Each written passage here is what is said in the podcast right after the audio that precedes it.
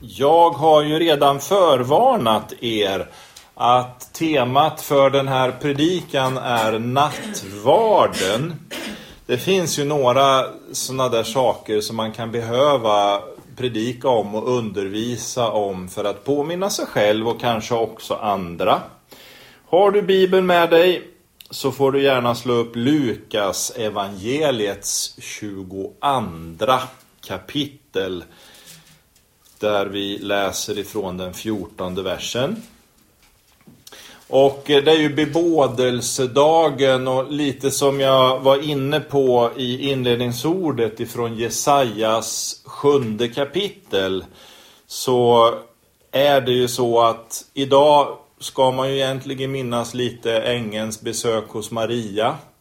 Att eh, det är dags att föda en son snart och så vidare. Eh, och Jesu ankomst blir ju på något sätt accentuerad i nattvarden. Eh, eller i korset och det var ju därför han kom då. Lukas evangelium kapitel 22, vers 14 läser vi framåt. När tiden var inne la han sig till bords och apostlarna med honom och han sa till dem jag har längtat mycket efter att få äta detta påskalamm med er innan mitt lidande börjar. Ty jag säger er att jag aldrig mer kommer att äta det, inte förrän det får sin fullbordan i Guds rike. Så tog han kalken, läste tacksägelsen och sa Tag detta och dela det mellan er, ty jag säger att jag från denna stund aldrig mer skall dricka av det som vinträdet ger, inte förrän min Guds rike kommer. Och han tog ett bröd, läste tacksägelsen, bröt det, gav åt lärjungarna och sa Detta är min kropp som blir utgiven för er. Gör detta till min åminnelse. På samma sätt tog han kalken efter måltiden och sa Denna kalk är det nya förbundet i mitt blod som blir utgjutet för er. Men se, han som förråder mig, hans hand vilar jämte min på detta bord. Ty Människosonen går bort som det blivit bestämt, men ve den människa genom vilken han blir förrådd. Då började de fråga varandra vem det kunde vara som skulle göra något sådant. Vi tackar dig Fader för den text som vi har fått läsa. Tack för den historiska verkligheten bakom dessa ord. Men inte minst vill vi tacka dig för den andliga verklighet som det vittnar om. För oss in i ordet Herre, öppna våra ögon för din sanning. Hjälp oss att ta det till oss som kommer ifrån dig och ge oss urskiljning att också sålla bort om någonting inte skulle vara ifrån dig. Ditt namn, Herre, må vara ärat från nu och till evig tid. Amen. Man talade på 1990-talet i Sveriges frikyrklighet och kanske framförallt i pastorala och prästerliga kretsar om att det var en nattvardsväckelse som var på gång över Sverige. Även om det hade varit svårt att under lång tid få människor att komma till kyrkan så var det så att man såg att nattvarden hade ett växande intresse omkring sig. Ofta med termer av att man ville söka sig mot det mystiska och kanske rent av mot det odefinierbara, det där som vi inte kan sätta våra ord på. Under 80-talet hade människor tröttnat på orden. Mitt i världens brus ville man ha en plats där tystnaden fick råda, där man fick vara sig själv utan att någon trängde sig på. Och det blev kyrkan. Där kunde man dra sig undan. Där kunde man isolera sig ifrån omvärlden. Nu lever jag i min bubbla. Nu är det bara jag eller möjligen jag och Gud. Och det kan ju låta jättebra att människan söker Gud. Men jag skulle vilja säga att ibland är det första skenet lite vilseledande. Vi ska inte dra alla människor över en kam givetvis, men generellt finns det någonting som är allvarligt i detta som vi inte ska förbise. Från slutet av 1960-talet och inte minst i västvärlden så hade det vuxit fram en stark betoning just på jaget. Den egna personen, jag är universums centrum. Och med religiösa termer blev den moderna trosbekännelsen att var och en blir salig på sin tro. Någon annan kan inte diktera sanningen för mig. Inte heller Bibeln behöver vara ett absolut rättesnöre. Den kan vara vägledande förvisso, men absolut inte normgivande. För det är jag som bestämmer vad jag tycker är rätt och fel. Ofta byggt på min känsla för stunden. Och någonstans mot den bakgrunden behöver vi se att nattvarden idag är en väldigt personlig och privat sak för många människor. När man söker sig fram emot bordet så stänger man lätt ute andra människor och tänker lite sådär som Emil i Lönneberga gjorde, du vet när han var ute och simmade med Alfred. Du och jag, Alfred. Ja, du och jag, Emil. Och så blir det så fast det är jag och Gud, du och jag, Gud. Och så tänker man att Gud svarar, ja du och jag, Daniel. Och det där är ju bra, det är ju rätt. Men ändå inte riktigt. För visst handlar det om mig och Gud och min relation med Gud. Men ändå finns det någonting mer. Jag upprepar många gånger i mina predikningar att korset förvisso handlar om mig. Och det står jag fast vid. Men jag måste också förstå att perspektivet behöver vidgas. För det är något mer. Och kommer vi nu till den här gemenskapsmåltiden som Jesus höll med sina lärjungar så hör vi ju redan där att det finns en annan dimension, gemenskap. När Jesus satt med lärjungarna i övre salen var det förvisso inget nytt han kom med. För måltiden den fanns ju där lång tid innan Jesus och lärjungarna. Det judiska folket hade firat den här måltiden till minne av uttåget ur Egypten. Vad Jesus gör när han nu möter lärjungarna är att han skruvar lite på skärpan. Han ställer in fokus. Så att det blir lite annat kanske än vad det var från början. För vad Gud initierade med uttåget ur Egypten, det var ju att folket kvällen innan de drog ut i friheten eh, skulle fira den här måltiden. Men nu tar Jesus det ett steg längre fram ändå mot sin verkliga innebörd. Uttåget, det handlade ju om Israels och det judiska folkets befrielse från slaveri, från förtryck. Men det är ju en historisk verklighet. Den andliga verkligheten i detta handlar ju om hela mänsklighetens befrielse från förtrycket som slaveri och slaveriet som synden håller oss fångna i. Så därför blir hela uttågsberättelsen ett enda stort vittnesbörd om frälsningen. Frigörelsen genom blodet på dörrposten, dopet och vattnet i Röda havet och helgelsen under åren i öknen. Så varje påskhelg, ja då samlas de judiska familjerna fortfarande idag för att, att äta den här sedermåltiden till minne av det här. Och så hade man bestämda föreskrifter där man skulle läsa vissa texter och göra vissa handlingar. Och poängen var också att man delade gemenskapen. Och så gjorde Jesus, han var ju jude, han är jude. Han och lärjungarna samlades i övre salen och på samma sätt som alla andra judar så firade man den här måltiden.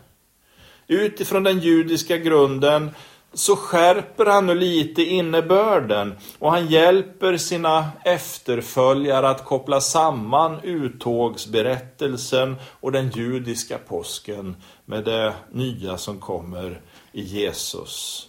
Guds försoningsverk på Golgata. Och vi behöver ha klart för oss detta att den första församlingen var ju faktiskt judisk. De hade sina judiska traditioner. Så nattvarden bygger på den här formen. Man träffas i hemmen, man har en kärleksfull gemenskap där man bryter brödet och delar kalken.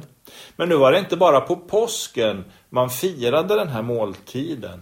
Från Jesu uppståndelse så börjar man dela den här gemenskapen på uppståndelsedagen, på söndagen.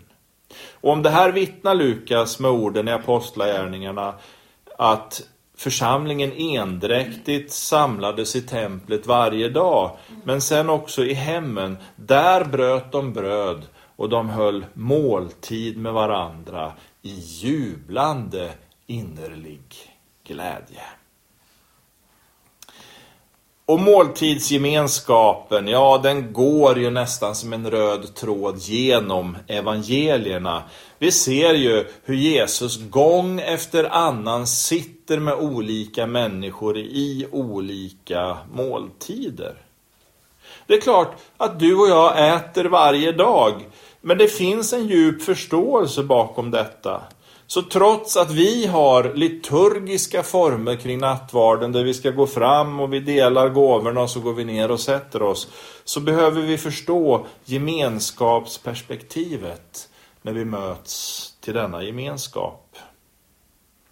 När vi firar nattvard så kan man därför säga att det förgångna blir närvarande försoningsoffret som Jesus gjorde, det upprepas inte för det skedde en gång för alla på korset.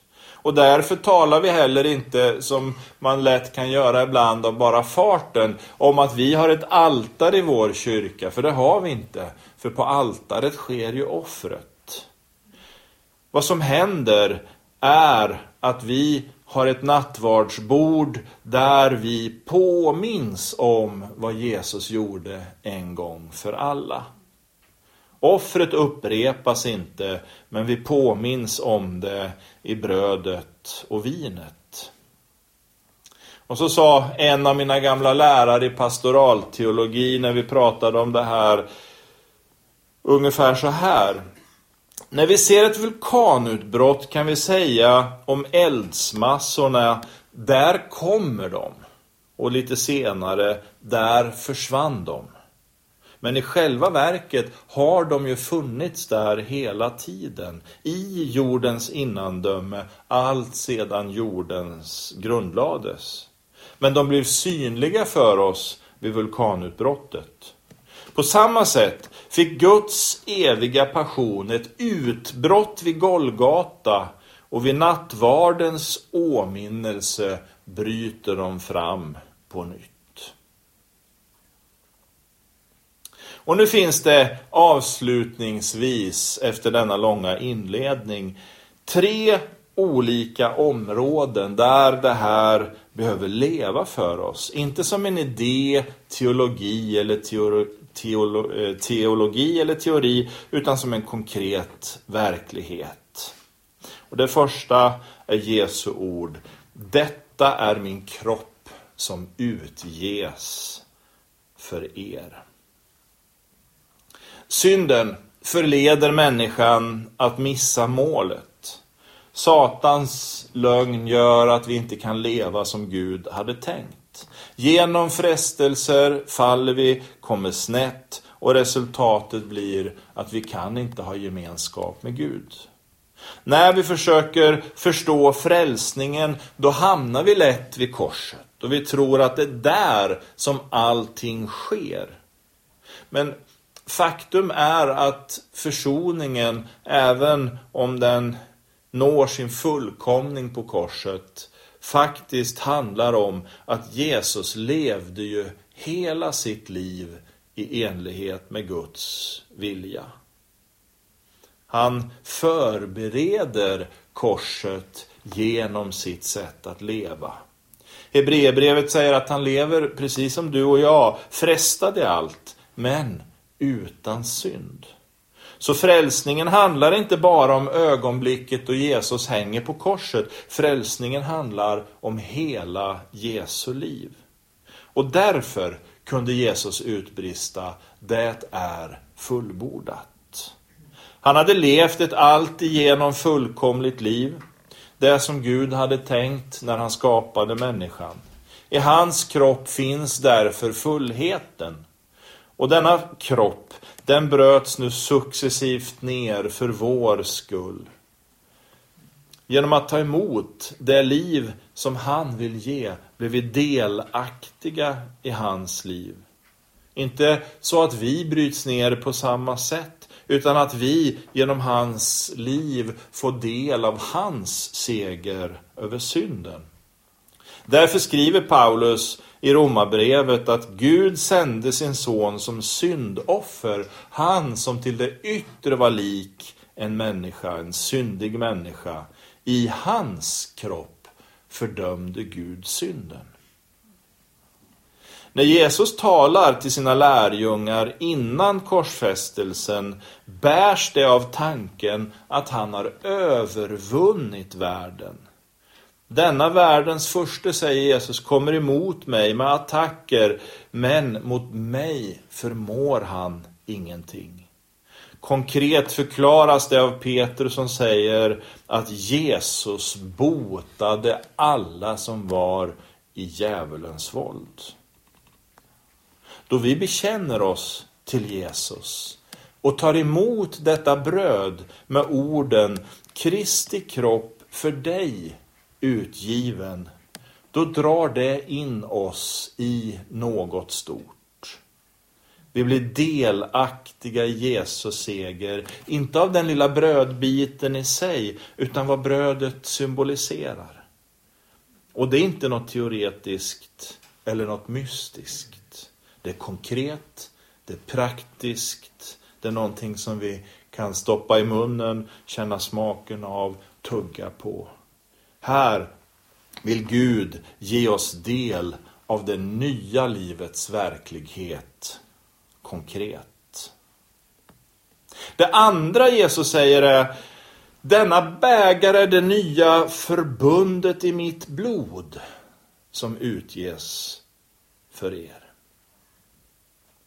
Återgår vi till den judiska tanken så är sätet för livet enligt judisk tro i blodet. Och vi förstår också av Nya Testamentet att ingen försoning kan ges utan att ett offer har skett. Därför finns alla dessa offer i gamla förbundet som vi läser i gamla testamentet. För de pekar fram emot det fullkomliga och slutliga offer som Jesus är. Och man skulle lite grovt förenklat kunna säga att om brödet har med den fysiska upprättelsen att göra så har kalken och vinet mer att göra med den andliga upprättelsen. Det är inte riktigt så enkelt, men för att ändå försöka klargöra lite av nattvardens innebörd så förstår vi att i blodet, där blir vår gudsrelation helad. Och därför skriver Paulus i Kolosserbrevet Gud skapade eller stiftade frid mellan sig och människan, eller fred, i kraft av blodet på hans kors. Och så tredje och sista tanken. Jag kommer inte att äta det förrän det får sin fullbordan i Guds rike. När brödet och vinet delas i gemenskapen säger det något om det nya livet och förutsättningarna som vi har fått genom Jesus. Vi är, med betoning på är, och det faktumet. Vi är förlåtna. Gud låter oss redan nu få del av det nya livets härlighet. Men den tredje och sista verkligheten får vi inte glömma bort. Att nu, här, lever jag i spänningen mellan redan nu men ännu inte. Redan nu men ännu inte. Hebreerbrevet 9 och 28. Så blev Kristus offrad en gång för att bära många synders, mångas synder och han skall en andra gång träda fram, inte för att bära synd utan för att frälsa dem som väntar på honom. Vi är ju inte framme bara för att vi har gått genom dopet. Vi har kommit till tro, vi har låtit oss döpas, blodet på dörrposten innan uttåget. De gick genom Röda havet, men de var ju fortfarande inte framme i löfteslandet. Vi är fortfarande på väg mot evigheten. Och därför får vi inte glömma det eskatologiska perspektiv som nattvarden bär på. Alltså att vi lever med framtiden i ryggen.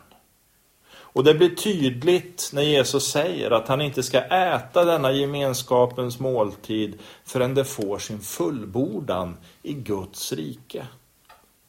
Nattvarden är i sin grund en bekännelse som å ena sidan förlöser Guds kraft över våra liv till frälsning och till upprättelse.